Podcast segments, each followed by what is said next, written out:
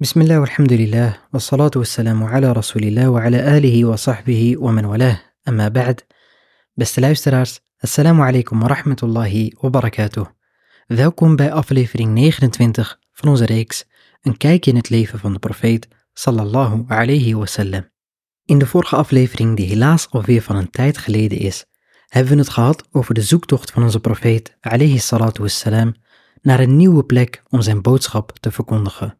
Een veilige haven waar hij het woord van zijn Heer kon verspreiden, want Quraysh weerhield hem van het verspreiden van het ware geloof. En hoewel er langzamerhand steeds meer mensen lucht kregen van deze profeet uit Mekka en in hem geloofden, was er tot dan toe nog niet een stam van onder de Arabieren die de profeet alayhi onder zijn hoede wilde nemen. Ijverig en volhardend ging onze profeet alayhi elke keer weer in gesprek met de verschillende Arabische stammen die naar Mekka kwamen en bood zichzelf aan hen aan. Meestal deed hij dat s'nachts, om de heimelijke duisternis van de nacht als dekmantel te gebruiken. Want de smaad- en lastencampagne van de mushrikeen in Mekka ging uiteraard onverstoorbaar verder. Onze profeet wassalam, maakte slim gebruik van de Hajj-periode om daarin de stamhoofden en vooraanstaanden van de verschillende Arabische stammen aan te spreken. En in het elfde jaar na de eerste openbaring vertrokken zes mannen van de stam Al-Khazraj uit Yathrib naar Mekka voor de Hajj, de bedevaart. Opvallend was dat dit relatief jonge mannen waren, en dat had een reden, die later in deze reeks duidelijk zal worden. Hun namen waren As'ad ibn Zurara, ook wel Abu Umama genoemd, Wa'uf ibn Harith, Rafi' ibn Malik, Qutbatu ibn Amir, Uqbatu ibn Amir, Jabir ibn Abdillah. Zij kwamen uit een stad waarin ook Joodse stammen leefden, en dat ging vaak niet zonder slag of stoot. Sterker nog, deze Joodse stammen vertelden steeds over een profeet die zou komen. En telkens als de gemoederen tussen hen opliepen, waarschuwden en bedreigden deze Joodse stammen hen en zeiden: Wacht maar, er zal een profeet worden gezonden, en met hem zullen wij jullie vernietigen, zoals het volk Aad en Iram zijn vernietigd. En nogmaals, meer informatie over de geschiedenis en de machtsstrijd zullen gauw volgen. Want de komst van deze zes mannen zou kunnen worden gezien als een kentering in de da'wa van onze profeet alayhi salatu wassalam. Want toen ze aankwamen in Mekka, ontmoette de profeet alayhi salatu wassalam hen bij Mina, wat net buiten Mekka ligt en wat een onderdeel is van de Hajj. Toen de profeet alayhi salatu wassalam hen zag, vroeg hij hen wie zij waren, waarop zij antwoordden een groepje van de stam Khazraj. Waarop de profeet alayhi salatu wassalam hen vroeg, geallieerden van de Joden, wat zij bevestigden en de profeet alayhi salatu wassalam vroeg hen, Zouden jullie niet even zitten, zodat ik tot jullie kan spreken? Waarop zij antwoordden, integendeel. Waarop de profeet met hen zat en hen uitnodigde naar Allah. Hij legde hen de islam voor en reciteerde voor hen de Koran. Hierna spraken zij tot elkaar en zeiden, Wallahi, jullie weten dat dit de profeet is waar de Joden jullie over verteld hebben. Laat hen ons dan niet voor zijn. Waarop zij gehoor gaven aan de oproep van onze profeet en de islam aanvaarden. Zij beloofden om terug te keren naar hun volk en hen naar hetzelfde op te roepen. En zij spraken af om het volgende jaar weer in het bedevaartseizoen terug te keren naar de profeet.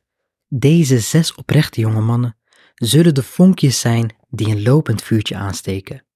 Het vuur dat in hun stad alle huizen verlichtte uit hun duisternis. Want zij keerden terug naar hun volk en vertelden over de profeet wassalam, en de islam. En in tegenstelling tot alle andere voorgaande stammen stonden de mensen open voor de waarheid. En in elk huis maakte de islam zijn toetreden. Maar lag hier dan de toekomst? Was dit dan de vruchtbare bodem waar de islam tot zijn bloei zou komen? Waren dit dan die vurige harten waar zo lang naar verlangd werd? Een jaar ging voorbij en het Hajj-seizoen brak aan.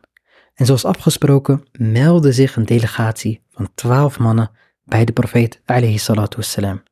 Het waren dezelfde zes als het voorgaande jaar, behalve Jabir ibn Abdillah. En met hen waren zeven nieuwe gezichten. Ze waren bijna allemaal van de stam Khazraj, behalve twee, die waren van Laos. Deze samenstelling was op zich al een bijzonderheid en prestatie, want de twee stammen, Aus en Khazraj, waren op zijn zachtst gezegd geen vrienden. Tegelijkertijd laat dit ook de bereidwilligheid en inspanning zien die geleverd is door de zes oprechte mannen, die in essentie de kern van deze delegatie vormden. De zeven andere mannen die dit keer mee waren gereisd naar de profeet wassalam waren Mu'ad ibn al-Harith, Zakwan ibn Abd al-Qais, Ubada ibn al-Samit, Yazid ibn Tha'laba, Al-Abbas ibn Ubada, Abu al-Haytham ibn Tayahan en Uwaymir ibn Sa'ida. Zij ontmoetten de profeet aan de voet van een berg in Mina, wat ook wel Al-Aqaba wordt genoemd. En hoewel een ontmoeting met onze profeet op zichzelf al een reden was om naar Mekka te komen, was dit niet het enige wat die twaalf mannen daar kwamen doen. Deze delegatie was gekomen om de profeet officieel trouw te zweren. Zij waren gekomen om een eed af te leggen. Ubaid ibn Samit, een van de twaalf mannen, vertelde over die eed en zei, ik was een van de aanwezigen bij de eerste eed van de Aqaba. Wij legden daar de eed van de vrouwen af. En dit was voordat de strijd verplicht was. Ubaida radiallahu anhu refereert hierna een eed die terug te vinden is aan het einde van Surat al-Mumtahina en die bekend stond onder de naam Bay'atun Nisa. Vervolgens vertelde Ubaid ibn Samit wat deze eed inhield. En hij zei dat wij geen deelgenoten zullen toekennen aan Allah, dat wij niet zullen stelen, dat wij geen ontucht zullen plegen, dat wij onze kinderen niet zullen doden, dat wij geen laster zullen verzinnen en dat wij hem niet ongehoorzaam zullen zijn in het goede. En hij vertelde dat de profeet alayhi zei, wie van jullie zich hieraan houdt, voor hem is het paradijs. Wie in een van deze zaken vervalt en door Allah bedekt wordt, zijn zaak is aan Allah. Als hij wil, zal hij hem straffen en als hij wil, zal hij hem vergeven. Wat een prachtig eerwoord en belofte opgesteld door een ware profeet. Want de profeet wassalam, was niet uit op zelfverrijking. De profeet wassalam, was erop uit om de mensheid uit zijn duisternis te trekken. Om het woord van Allah subhanahu wa ta'ala te verheffen en om rechtvaardigheid en zeden te laten zegevieren. Want zonder dat alle zal de mens nooit succes kunnen hebben. Nadat zij de profeet wassalam, trouw zwoeren, keerden zij terug naar hun stad en niet alleen. Want met hen stuurde de profeet wassalam, een afgevaardigde mee. Iemand die de mensen kon onderwijzen en begeleiden. Een leerling van onze profeet. Zijn naam was Mus'ab ibn Umair. Een jonge man die voorheen tot de meest welvarende van Mekka behoorde. Maar nadat hij moslim was geworden, geboycott werd door zijn eigen familie. Mus'ab was iemand die al heel vroeg in onze profeet wassalam, geloofde. Hij verkoos het geloof boven alle rijkdom en aanzien en maakte de zwaarste tijden voor de gelovigen mee in Mekka. Daarvoor is karakter en een sterke persoonlijkheid nodig. Dit karakter maakte Mus'ab ibn Umair de geschikte persoon voor deze taak. Want Mus'ab was niet te paaien met rijkdom en macht. Mus'ab was wijs en geduldig en met deze zending de eerste ambassadeur van de islam. Een zeer succesvolle ambassadeur, want de islam verspreidde zich razendsnel. Mus'ab wist namelijk onder andere indruk te maken op mannen zoals Usaid ibn Hudayr en Sa'd ibn Mu'adh. Zij werden gezien als leiders van hun stam, Beni Abdil Ashal. En toen zij moslim werden, volgde de hele stam van Beni Abdil Ashal, van man tot vrouw, van jong tot oud. De islam verspreidde zich steeds meer in de stad die Yathrib heette.